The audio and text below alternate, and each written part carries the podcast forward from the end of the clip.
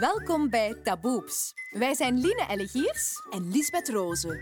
Wij voeren in deze podcast eerlijke en pure gesprekken, waarbij we op zoek gaan naar de grootste taboes anno 2021. Wij staan voor minder schaamte en meer kwetsbaarheid. Denkt u straks, amai, mijn loetse, zo schune. Ik moest bijna cheapen. Word dan lid en ga een kijkje nemen op www.taboeps.be. Cheapen? Ja, een keer goed wenen, dat kan zo deugd doen. Ah, cheapen. En hij zakdoekje bij? Lieselot Maas is student psychologie. In en rond het Gentse werkt ze als stresscoach en loopbaanbegeleider en is ook gewoon een vrolijke, open en toffe mie. In 2015 kwam ze zelf terecht in een donkere burn-out, zoals zij het schrijft. Mijn batterijen waren leeg, mijn hoofd ging in staking. Begin 2020 kreeg ze het opnieuw moeilijk, maar is ze gewapend tegen deze soort mentale dreiging. Een moedige vrouw die onszelf een e-mailtje schreef met haar persoonlijke bagage. Ik citeer Liz is More, een zin die Lieselot zelf deelde. Ik vraag het je met aandrang, wees uiterst lief en zacht, want achter het masker schuilt te vaak iets wat je niet verwacht. Welkom Lieselot. Welkom Lieselot. Dankjewel. Dat gedichtje hadden we teruggevonden op uw Instagram, Ja. van Liz is More inderdaad. Ja, ja, ja, we volgen die zelf ook. Ja. Dat is prachtig, hè? Ja, er zit zoveel waarheid in. Ik denk dat je niet wil weten hoeveel maskers dat je eigenlijk tegenkomt op een dag. Ja. Ja. Het zijn er veel. En in de praktijk zie ik ze... Allee, halen we ze eraf, hè. En dan eh, komen de dingen tegen dat je denkt... Oeh, Ja, ja van waarschijnlijk. geen wonder Ja, ja. dat, eh, dat mensen tegen muren aanlopen en zo, ja. Mhm. Dus ik vind dat een hele belangrijke. Dat is iets waar ik heel veel wil rond sensibiliseren ook. Ja. Want al dat oordelen, dat kost u zelf ook geweldig veel energie, Mhm. die je voor jezelf ook voor iets anders kunt gebruiken. En een beetje zachtheid en mildheid naar iemand anders toe oh, kan zo'n wereld van verschil maken. Dus, Ja, ja, ja. Ja. Ja, ik ben Lieselot. Ik, eh, ik ben 37. Eh, ik woon in Vinderhouten, een van de mooiste dorpjes die je in ons land gaat vinden. Daar ben ik zeker van. Ehm, ik woon daar met mijn gezin, met mijn man Jo en mijn twee dochters van 11 en 9 bijna. Ehm, ik ben ook coach. Sinds vijf jaar werk ik als stresscoach en loopbaanbegeleider. En ik studeer psychologie ondertussen. Dat is een oude droom ehm, die ik van onder het stof heb gehaald, waar ik twee jaar geleden aan begonnen ben. En ik heb twee keer met mijn vingers geknipt en ondertussen ben ik al twee jaar verder in die droom. Dus dat gaat eigenlijk... Het leek een gigantische berg om aan te beginnen, maar ja, ik snap het gaat goed en het is super interessant om te doen. Dus En dat is aan het UGent, hè? ja, aan de UGent, ja, Ja. inderdaad. Ehm, wij, wij stellen onszelf ook heel snel voor als wat we doen en wel, welke job dat we zijn. Daarom hebben wij altijd leuke gespreksopeners, omdat Ja. wij dan Lieselot op een andere manier leren kennen. Dus eh, jouw gespreksopener is welke beroemdheid zou je weer tot leven willen brengen om mee uit eten te gaan? Ehm, ja, ik vond dat niet zo'n gemakkelijke eigenlijk.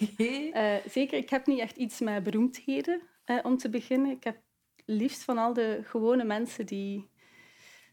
Ja, het verhaal van Jan met de pet, van eender wie dat je op straat tegenkomt, vind ik ongelooflijk boeiend. Ik vind mensen eigenlijk gewoon heel boeiend.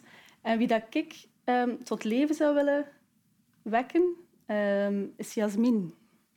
Dat was mijn eerste gedachte. Ehm, en ik blijf er ook bij. Ik heb dat altijd een heel fascinerende vrouw gevonden. Maar ook, ook heel getroubleerd. Als je, ja, dus ze, heeft ervoor gekozen, ongeveer tien jaar geleden of zo, om uit het leven te stappen. Ja. Ik heb het daarnet nog een keer opgezocht. Die was toen 37, dat is de leeftijd die ik zelf nu heb. Toen dat zij ervoor koos ja, om, om uit het leven te stappen, om, om, ja, omdat het ja, niet meer draaglijk was voor haar. Ehm, en daar zou ik ongelooflijk graag willen mee praten. Oké. Om haar verhaal te horen en te horen van waar, wat dat voor haar zo lastig maakte en Ja. zo moeilijk maakte. En welk masker dat zij misschien veel te lang heeft opgezet. Of misschien heeft proberen tonen, maar de manier niet vond om het te doen. Ehm, en verder omdat ik het vind dat ze ongelooflijk mooie muziek gemaakt heeft. Ja. Eh, Ja. Lieselot, jij bent coach. Eh, in de praktijk, Ja. loopbaanbegeleider. En ook mama, ben je mama van twee, Twee kindjes? dochters, ja. Klopt. En met welke klachten kunnen de mensen eigenlijk bij jou terecht? Eh, mensen kunnen bij mij terecht met loopbaanvragen. Ja. En dat gaat heel breed. Uh, mensen denken heel vaak dat loopbaanbegeleiding alleen is voor mensen die van werk willen veranderen, die iets helemaal anders willen doen en die weten wat. Mm -hmm. Met zo'n vraag mogen zeker en vast komen. Maar ook als je vastzit in je loopbaan met... Goh, ik zit wel met communicatieproblemen op mijn werk. Ik zit in een team en dat marcheert niet goed. Vindt mijn draai er niet in? Wat kan ik doen? Heb ik misschien iets over mezelf te leren? Of iets over de anderen te leren, waardoor dat we elkaar... En heel vaak, om het dan terug over die maskers te hebben... Als we kunnen, mensen kunnen leren van voorbij de maskers ook van anderen te kijken, dan gebeuren er magische dingen. Ja. Dus vaak zijn dat dingen die we wel doen, maar uh, wat, wat, kunnen we ook doen als de werk-privé-balans verstoord is? Om daar een nieuw evenwicht in te zoeken. Dus dat zijn allemaal dingen die we met loopbaanbegeleiding kunnen doen. Alles wat dan met je werk te maken heeft, op een of andere manier kunnen we doen met loopbaanbegeleiding. Daarnaast werk ik ook rond stress- en burn-out coaching. Dat is eigenlijk zowel preventief als herstel. Oké. Dus mensen die met stressgerelateerde problemen te maken krijgen, weer eender wat, want stress is super persoonlijk, uh, kunnen we gaan kijken wat dat er, ofwel proberen een burn-out nog te voorkomen, ofwel helpen in herstel. Zorgen dat, er, dat we kunnen stabiliseren en dat we daarna terug kunnen activiteit terug opbouwen en dan kijken van oké, waar is het eigenlijk misgegaan en hoe kunnen we zorgen dat dat vooral niet nog een keer gebeurt. Dat, is, dat brengt veel pijn en emotionele dingen met zich mee. Heel vaak, ja. Dus dat is toch een zware job. Goh, ben daar eigenlijk goed in opgeleid. Dat is wat als we in coaching ook leren, is dat je je eigen verhaal er niet in brengt. Dus de bedoeling van een goede coach is dat hij zichzelf overbodig maakt. Dat je mensen leert in een kracht staan, dat je hen leert ontdekken en zoeken van oké, maar wat kan ik wel doen als ik in een situatie kom? Wat kan ik hieruit leren? Dat ze hun eigen signalen kunnen herkennen en dat ze technieken leren die ze kunnen blijven inzetten. Ja. Dus dat maakt ook dat ik eigenlijk heel hard bij mijn cliënten blijf. En dat is wat dat mijn collega's, coaches ook doen. Je blijft bij het verhaal van je cliënt. Ja. En je kijkt wat er daarin zit. Uh, wat is dan jouw, uh, jouw cyclus geweest van opleiding? Allee, cyclus, mijn, mijn basisopleiding is eigenlijk een lerarenopleiding. Ik heb uh, in Gent leraar secundair onderwijs gedaan, maar ik ben eigenlijk nooit in het onderwijs gestapt.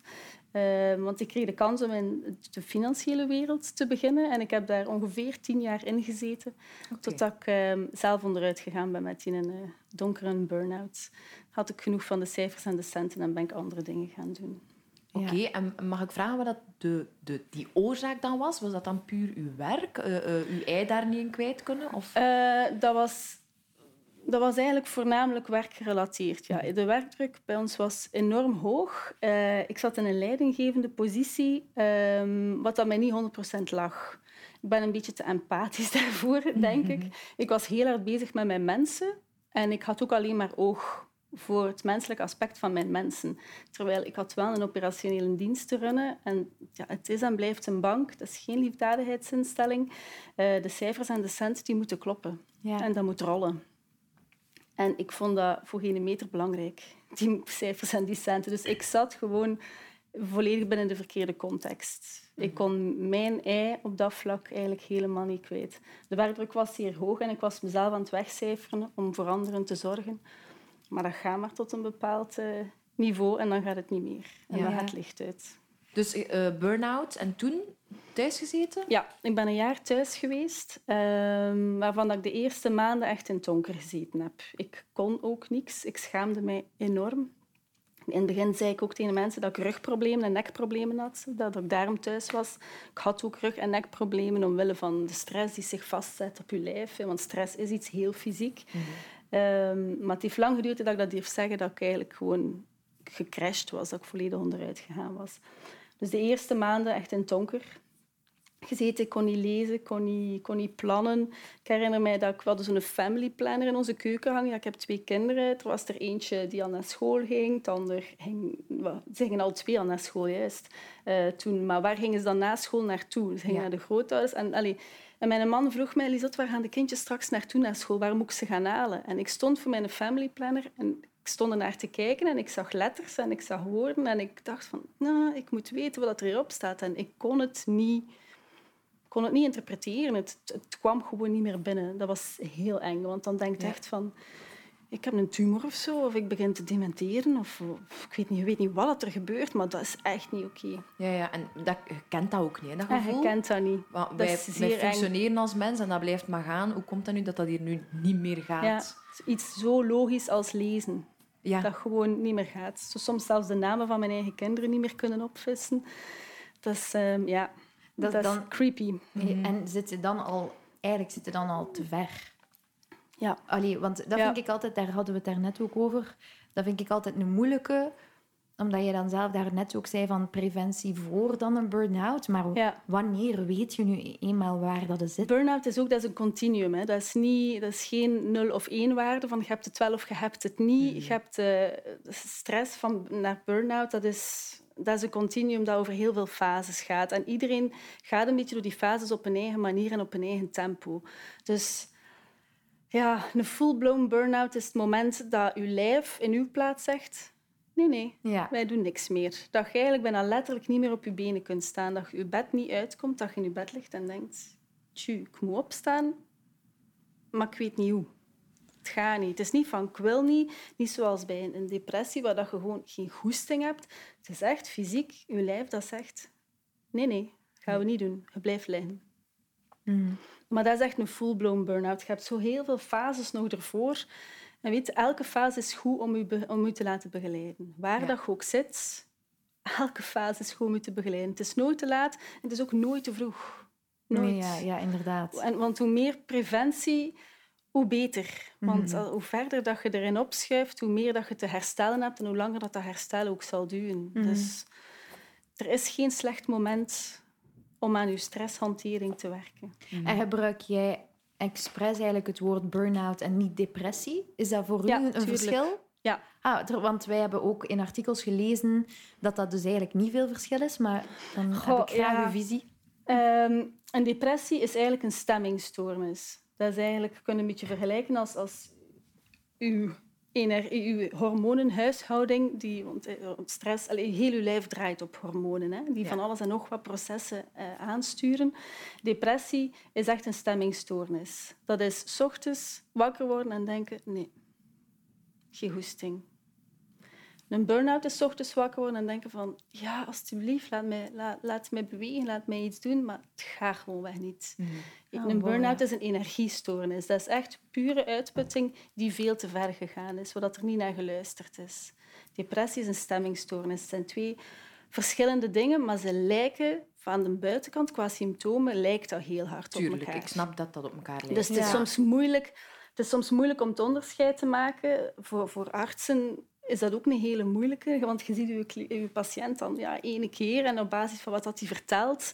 Zowel burn-out als depressie is niet iets dat je met een scan of een bloedonderzoek kunt vaststellen van ah, nu is het zo. En, eh, zo werkt het niet. Het is Nee. echt een kwestie van interpreteren en symptomen naast elkaar zetten en aan diagnostiek gaan doen, wat dat vrij complex is. Mhm. En het woord burn-out wordt precies wel meer geaccepteerd in onze maatschappij of zo dan depressie. Eh, ja, nu wel. Hè. Ik vind Ik heb dat gevoel ook. Nu. Ja, maar ik vind dat het snel wordt gebruikt. Ja. Wel, maar ja, als je niet kunt de, de, de vinger erop leggen wanneer je dat hebt, dan kun je dat ook niet Nee. Nee. juist Dat is- of dat fout dat is het gebruiken. gevaar, of dat is het moeilijke aan zo van die ja, mentale, mentale problemen. Ja. Ja, Laten we dan geen etiket ophangen. Hè. Dan is het Voilà, gewoon... etiketjes, daar heb ik zo'n beetje een haat-liefde verhouding mee. Aan de ene kant, een etiket geeft wel duidelijkheid. Mhm. Ja, je je moet iets ook om op te benoemen, googlen. Ja, Ja, ja. Nu, hè, met Google moet ook een beetje oppassen, dokter Google. Dr. Maar als jij, Google. want Dr. Google zeer, kan, kan zeer gevaarlijk zijn. Ja. Maar als je naar begeleiding aan het zoeken bent, wat doet het dan? Ja? Ja. Of je vraagt rond, of je huisarts eh, stuurt u door naar iemand die, die hij of zij goed kent, of wat dat die van weet, van die werkt goed. Ofwel beginnen gewoon te googlen en beginnen te zoeken. Maar dan moet je wel iets hebben om op te googlen. En dan is een etiket wel zeer handig. ja. Absoluut. Maar aan de andere kant, als je met dat etiket zit, dan zit je daarmee. ja, En nu?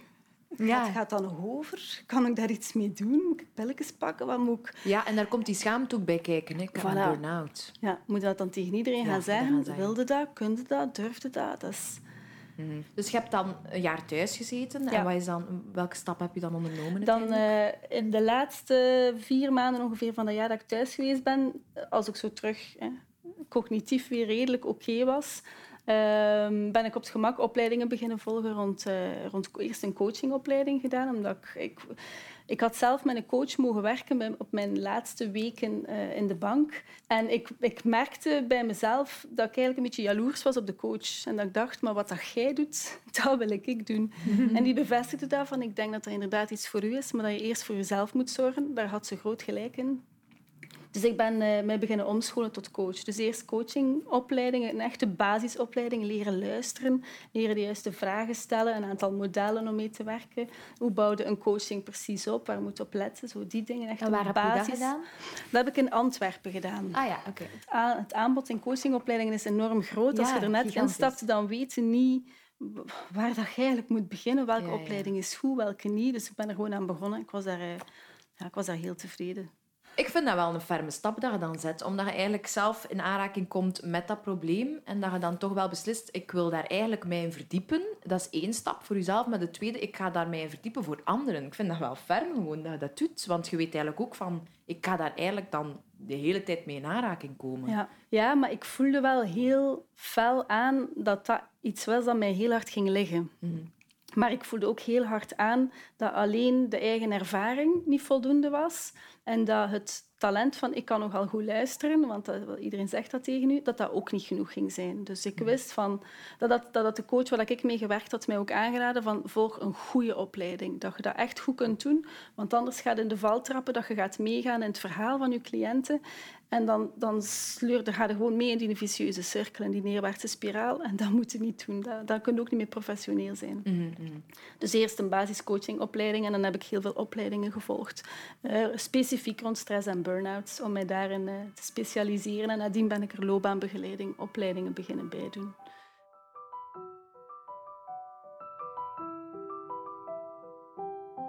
Je hebt ons zelf een mailtje gestuurd. Ja. Um, hulp bieden wanneer je zelf hulp nodig hebt. Ja. Kan dat? Um, en dat was eigenlijk de titel van jouw mailtje. En in, in, in die zin was schuilt daar nog het taboe voor jou in. Want dat is eigenlijk de reden waarom jij ja. er zit vandaag. Ja. In begin 2020 heb ik, zijn, er wat dingen, zijn er wat dingen overkomen waardoor dat ik het opnieuw moeilijk gekregen had. Um, maar dat was op een heel andere manier dan in 2015. Toen, kwam, toen zat ik dat was helemaal anders. Dat was echt een burn-out. Ik heb uit mijn burn-out heel veel geleerd. Ik heb heel goed mijn, mijn grenzen leren aanvoelen, leren aan, leren, mij leren aanpassen als dat nodig was. Ik had net een examenperiode achter de rug. Die was eigenlijk goed verlopen. Um, goed een balans blijven bewaren tussen studeren en de kinderen, die ja, uiteraard ook een mama nodig hebben, af en toe een keer. Alleen geregeld een keer eigenlijk. Maar toen werd ineens, uh, was ik ineens de grond onder mijn voeten kwijt. Dat was gewoon ja, niet goed weten ja, ineens niet goed meer weten van wat planeet dat kwam eigenlijk, of waar dat ik precies thuis hoorde. Dat was, dat was heel moeilijk. Dat was een heel, ander, heel andere manier van niet goed gaan dan wat ik eigenlijk voordien gekend had. Mhm.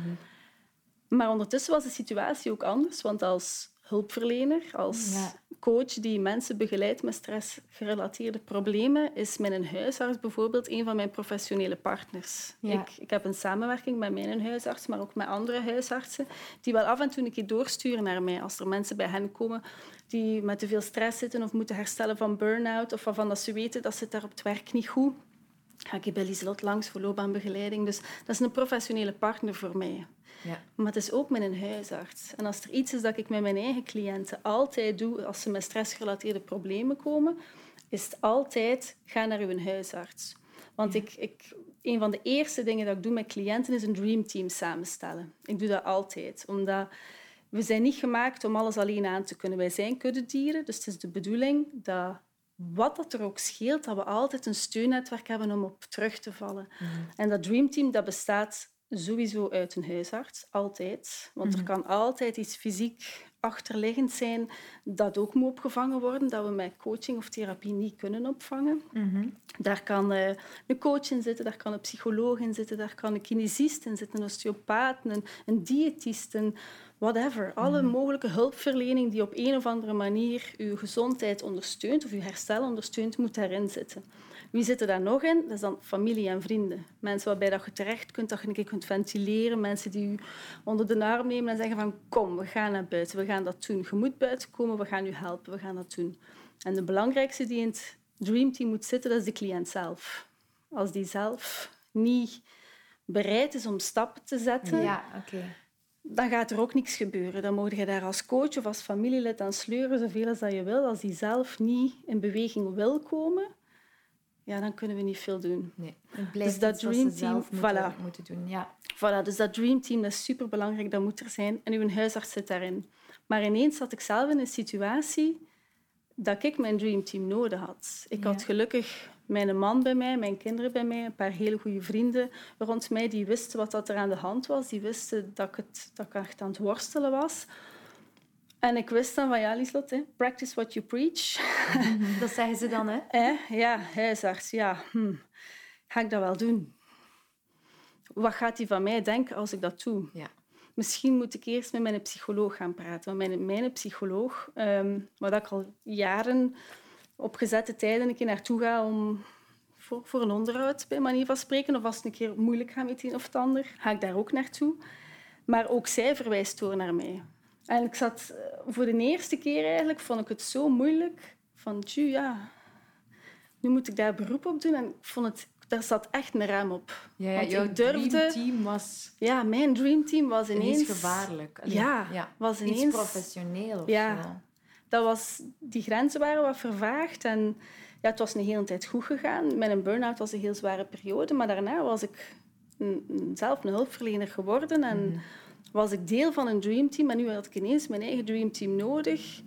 Maar dat dan bestond uit partners die, waar ik eigenlijk professioneel ook mee werkte. Dus dat was... Ja, moeilijk. Ze leren een heel kwetsbaar stuk van jou Ja. kennen. Is dat dan wat het zo moeilijk maakt? Ja. Omdat, want aan de ene kant... Want ineens heb je precies... Heb je ineens twee, twee gezichten. Ja. Lijkt een januskop, hè, zo. Met Ja. een voor, van voor en van achter. Een, eh, aan twee kanten een gezicht. Ineens hebben zij er precies twee personen. En dat wringt langs alle kanten. Want ik vind het zelf heel belangrijk om, om goed geaard te zijn en goed te weten wie dat ik ben. Ik weet wat ik kan, ik weet wat ik niet kan, ik weet wat ik wil doen, wat ik niet wil doen. Ik vind dat, ik vind dat heel belangrijk, maar ineens staat in twee rollen. En dan denk je van, ja, maar ja, maar ja ik, ik ben zelfstandig, dus ik moet ook wel zorgen dat mijn zaak, dat mijn praktijk blijft draaien, bij manier van spreken. Ja, dat, is, dat is mijn inkomen, dus dat Ja, is ja, ook wel een belangrijke.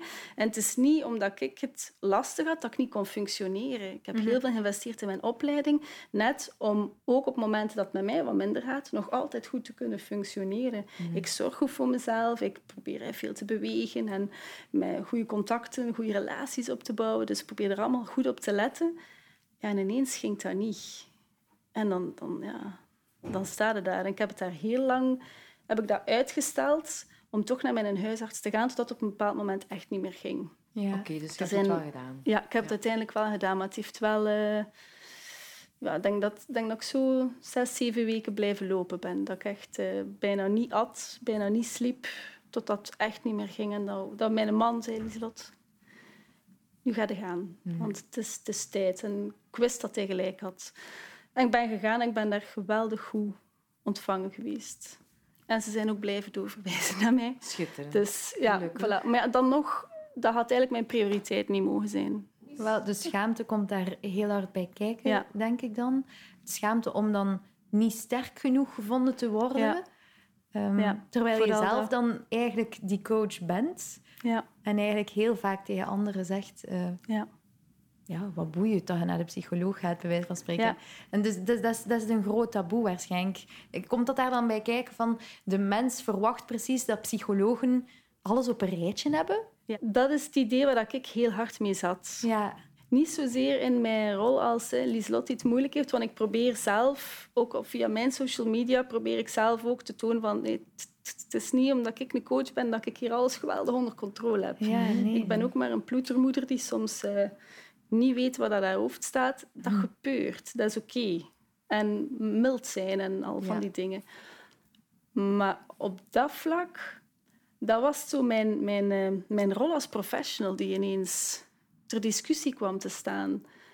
Terwijl dat dat eigenlijk niet hoefde te zijn. En het was een enorme opluchting om bij de huisarts te gaan en daar zoveel begrip te krijgen. Ja. En daar zo naar geluisterd te worden en daar zoveel geruststelling gekregen hebben van ja, maar we weten wie dat jij bent, we weten wat dat jij waard bent, we weten hoe dat je werkt en we weten dat je goed werk levert. Dus, ça va, hè. Ah, Oké.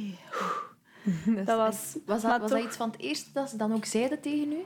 Nee, in dat eerste, in dat eerste bezoek denk ik... ehm ergens helemaal op het einde dat ik, dat ik het wel zei. Van, ik, vond, ik vond het heel spannend om te komen. Maar ik denk dat dat ook is als, die, had de huisarts mij niet met zoveel zorg en respect benaderd en naar mij geluisterd en ook gezegd van... Amai, Lieselot, ik geloof het dat het zwaar hebt. Maar wat was dat allemaal? Dat je je gehoord, je voelde je gezien. En denk oké, weet je, dan kan ik nog iets vertellen. Dan kan ik nog iets vertellen. Als je zo gevoelt dat je op je gemak zit bij iemand en dat er echt naar je geluisterd wordt, dat er niks onder de mat geveegd wordt, er wordt niks geminimaliseerd, maar er wordt echt gewoon oprecht geluisterd, dan denk je van, ah ja, oké. En dan deelde en dan deelde nog een beetje. En dan heb ik uiteindelijk ook gezegd van, ik, wou eigenlijk, ik durf eigenlijk niet komen. Eigenlijk had ik er zeven weken geleden al moeten zitten, maar ik durfde niet. En nu ben ik blij dat ik het gedaan heb. Gelukkig. Wij kijken soms naar andere personen zoveel milder dan naar onszelf. Hoe komt dat?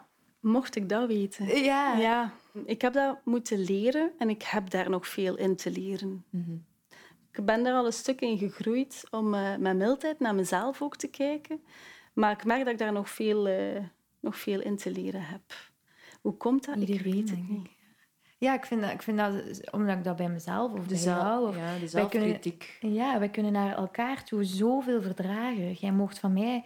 Ik bedoel, zoveel... Ik kan zoveel hebben van een ik? andere persoon. maar van mezelf, dan ben ik zo streng. Want ik moet dan wel de beste zijn. Of ik moet er wel bij horen. Of ik... Dus die mildheid, dat is zo belangrijk om dat ook in onze opvoeding te krijgen of zo. Hm. Dus dat vind ik, vind ik nog iets dat soms mist. Dat is waar. Ik denk dat- we daarvoor strijden. En dat is ook deel van onze podcast. Ja, ja waarom dat wij, weer de- zijn. wij delen het verhaal en jij vooral vandaag. Ja. Ja. Ja. Dus ik vind dat ook zeer moedig, want eh, eh, misschien dat er collega's nog gaan luisteren die dit nog niet wisten of zo. Ik weet dat niet. Of, of, of alles, maar mensen die je niet kent. Maar ik heb nu eigenlijk in de afgelopen jaar wel af en toe ehm, wel daar dingen over gedeeld. Op een bepaald moment ben ik ook medicatie beginnen nemen. Omdat, ja, ik, ik, ik at niet, ik sliep niet, ik piekerde alleen maar, ik huilde alleen maar. Dat was niet meer oké, dus ik ben medicatie beginnen nemen op een bepaald moment. En ik heb dat toen ook op mijn social media gezet van kijk, nu zit ik hier. Nooit gedacht dat ik, dit ging, dat ik medicatie ging nodig hebben. Ik ben absoluut niet tegen medicatie, nooit geweest. Ik denk dat artsen daar heel voorzichtig mee omspringen en dat niet zomaar voorschrijven om eender welke reden. Ik had het op dat moment nodig om het, in, om het te beginnen nemen en ik neem het nu nog altijd om eh, stabiel te, te blijven Dat op gaat dit dan over moment. antidepressiva. Maar Het is eh, iets dat erop lijkt. Het is geen echt antidepressief. Het is een, het is een, eh, een product, een, een tricyclische verbinding noemen ze dat dan, die een beetje op dezelfde hormonen probeert te werken, maar die eigenlijk zorgt dat het piekeren minder is. Wordt, dat ja. dingen minder hard binnenkomen en dat, het allemaal, dat er minder gepiekerd wordt. En dat is wel zeer welkom om Ja. eh, te kunnen functioneren. En niet bang voor als je daarmee stopt. Ik weet dat Nee, dat want het is, een, nee, maar... wat het is, nee, het is een middel dat, eigenlijk, dat je niet moet op- of afbouwen. En er ook, dat ook geen bijwerkingen heeft. Dus. Maar ik vond dat wel belangrijk om ook dat gewoon te delen. Want het is Mhm. niet één omdat ik een coach ben, dat ik altijd alles op een rijtje heb, dat ik ook een keer niet een stap verder moet gaan als het niet meer voldoende is op eigen kracht. Ja, Ja, dan, ga, dan ga je gewoon een stap verder. En ik heb dat met mijn huisarts helemaal doorgepraat. Ze zou het mij niet voorschrijven of mij zeker niet verplichten als ik het niet had zien zitten. Maar ik had wel door dat het wel nodig was, dat het niet meer oké was. We hebben ondertussen ook al twee keer ehm, het gesprek gehad om wel effectief naar een antidepressivum over te stappen, omdat ik twee ehm, heel, heel donkere momenten heb gehad, vorig jaar in juni. En nu onlangs in februari opnieuw, dat ik ook echt met zwarte gedachten gezeten heb. Heel zo- kort. Recent. Maar dat is zo heftig. En dat is dan wel een reden om wel effectief naar een antidepressivum te gaan, een SSRI, gelijk dat ze dat dan noemen. Ehm, maar omdat het zodanig kort was en omdat het ook weer heel snel weer voorbij was, hebben we ervoor gekozen om dat niet te doen. Maar dat is wel een optie die er ligt. Is dat doordat je coach bent, dat je dat veel sneller kan begrijpen, die zwarte gedachten, en iets kan vinden om dat sneller af te zetten, of niet? Ik denk niet dat dat echt veel te maken heeft met het feit dat ik een coach ben, maar, maar meer met het feit dat ik geleerd heb uit mijn burn-out en dat ik heel goed geleerd heb van de signalen op te pikken. Ik heb geleerd van naar mijn lichaam te luisteren. Ja. En, en stil te staan bij, bij wat ik denk en wat ik belangrijk vind en wat dat er in mijn leven gebeurt. Ik ben wel altijd iemand geweest die wel veel analyseert en die wel veel bezig is met ja, maar wat gebeurt hier allemaal en is dat wel oké? Vind ik dat wel oké? Wil ik dat wel? Wil ik het anders? Wat betekent dat precies voor mij? Ehm, maar dat heb ik altijd al gehad. En ik heb echt geleerd om naar mezelf ook te luisteren en daar tijd voor te nemen om stil te staan bij wat is er met mij aan het gebeuren. Mm en ik denk dat dat hetgeen is dat het verschil maakt, dat ik heel snel oppik van wow, wat was dat? En ik moet zeggen, die twee momenten dat ik echt die zwarte gedachten heb gehad, was ik zelf in shock. Ja. Je schrikt daar zo hard van. Dat, dat is iets... Je kunt dat, kan dat met niks vergelijken. Dat overvalt u. Ja, dat, is, dat, is, dat overvalt u. Dat is een moment dat de pijn die je voelt, de emotionele pijn die er is, is zo, zo, zo zwaar en zo ondraaglijk dat je heel even denkt van dit is te, ik kan dit fysiek gewoon niet dragen, wat ik nu voel. Dus dan, dan, als dit leven is, dan kan ik het niet. Ja, amai, ja. En dat gaat heel snel, hè, want dan heb ik onmiddellijk de, al de, de reflex van... Lieslot, je hebt, je hebt kinderen, we gaan dat niet doen. En je hebt dat en je hebt dat en dat loopt goed. En je bent aan het studeren, je bent je droom aan het waarmaken. En weet je, je hebt een tof gezin. En oké, ja, oké, goed, en we zijn weer weg. Dus ik heb dat je kunt dat niet vergelijken met mensen die echt daar heel lang in zo'n ja, ja, ja. fase zitten. Maar dat is zo, zo heftig en zo acuut dat je daar wel ongelooflijk van, van schrikt. Ja, ja. We hebben gisteren een jongen ontmoet. We hebben ook een podcast opgenomen met een jongen van 23 jaar. En hij was 20 als hij in een depressie belandde. Ja. Dus hij heeft ook verteld inderdaad over... Allez, wel voor een langere periode ook. En eigenlijk nog altijd een beetje. En hij heeft ook verteld over... Ehm, ja, de, de pijn die je dan hebt en die je eigenlijk niet kunt plaatsen. Ehm, als je daar buiten staat, kun je dat natuurlijk veel minder goed inbeelden. Hm. Hoe ging uw gezin daar dan mee om? Die hebben dat maar laat geweten. Oké. Mijn, mijn, kinderen weten dat uiteraard niet. Die zijn er veel te jong voor. Die hm. zouden dat niet kunnen plaatsen. Uh, ik denk, ik heb dat de eerste keer gehad vorig jaar in juni. En ik heb dat pas in september tegen mijn man verteld. Okay. Dat zo, die was daar heel hard van geschrokken. En die had zoiets van, wow, wat, wat hè? En je hebt dat niet gezegd. Ja, nee. Dat, ik was er zelf van in shock. En, en ook ergens wel schaamte hoor, van Eliselot. Gaat zoiets toch niet denken, maar ja.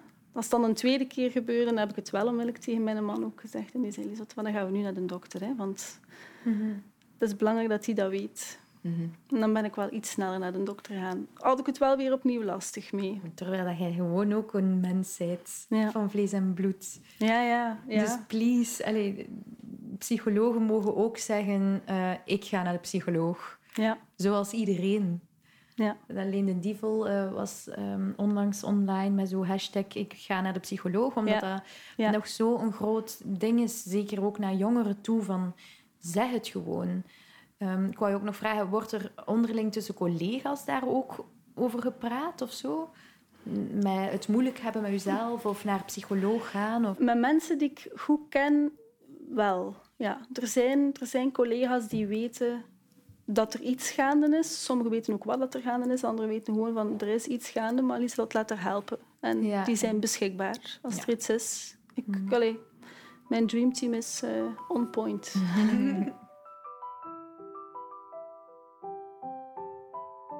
Ik denk dat er wel wat meer over gepraat mag worden. Maar zeker jonge mensen zie je dat die, dat die ook vaak op minder begrip kunnen rekenen. Dat vind ik super, super, super jammer. Mm Het zijn toch ook maar mensen van vlees en bloed die aan het zoeken zijn mhm. en die het misschien niet vinden. En nee, dat, is, maar ja, dat is misschien vanuit de redenering... Maar ze jong en al, ja, het een vleur van je leven ja. en gaat toch nu niet... Hè. Wat zijn uw zorgen nu? Die, wat zijn uw zorgen, ja. ja. En dat is wel super jammer. Dat is, zo, dat Want ik denk dat er heel veel jongeren zijn die hulp rateren daardoor, omdat ze eigenlijk er de steun niet in krijgen, dat het hen precies... Dat ze te jong zijn om hulp nodig te hebben. Mm -hmm. Dat is zonde. Ja, wel, je verwoordde dat ook zo mooi. Hè? Ehm, soms eenzaam, maar nooit alleen. Ik heb zelf ook al periodes gehad dat ik door donkere periodes ging, bijvoorbeeld, of door zware periodes ging. En je voelt je toch altijd een stukje alleen of eenzaam. Ja. ja. Maar je weet wel dat je nooit alleen bent, want er zijn dat dreamteam is er inderdaad. Ja. En, of je kunt er naar op zoek gaan. Ja, En toch dat stukje eenzaam zijn, hoort dat er dan bij? dat is een, best een moeilijke. Hè? Mhm. Eenzaam zijn en alleen zijn is, is niet hetzelfde. Hè? Nee. En dat alleen zijn, inderdaad, daarom is dat dreamteam zo belangrijk. Dat eenzaam zijn, ik denk dat af en toe een beetje eenzaam zijn ook niet zo slecht is om te beseffen wat dat je hebt op momenten dat je het niet bent. Ehm, maar ik denk dat we veel eenzaamheid... Ja, eenzaamheid kan, heel, kan heel pijnlijk zijn. Hè?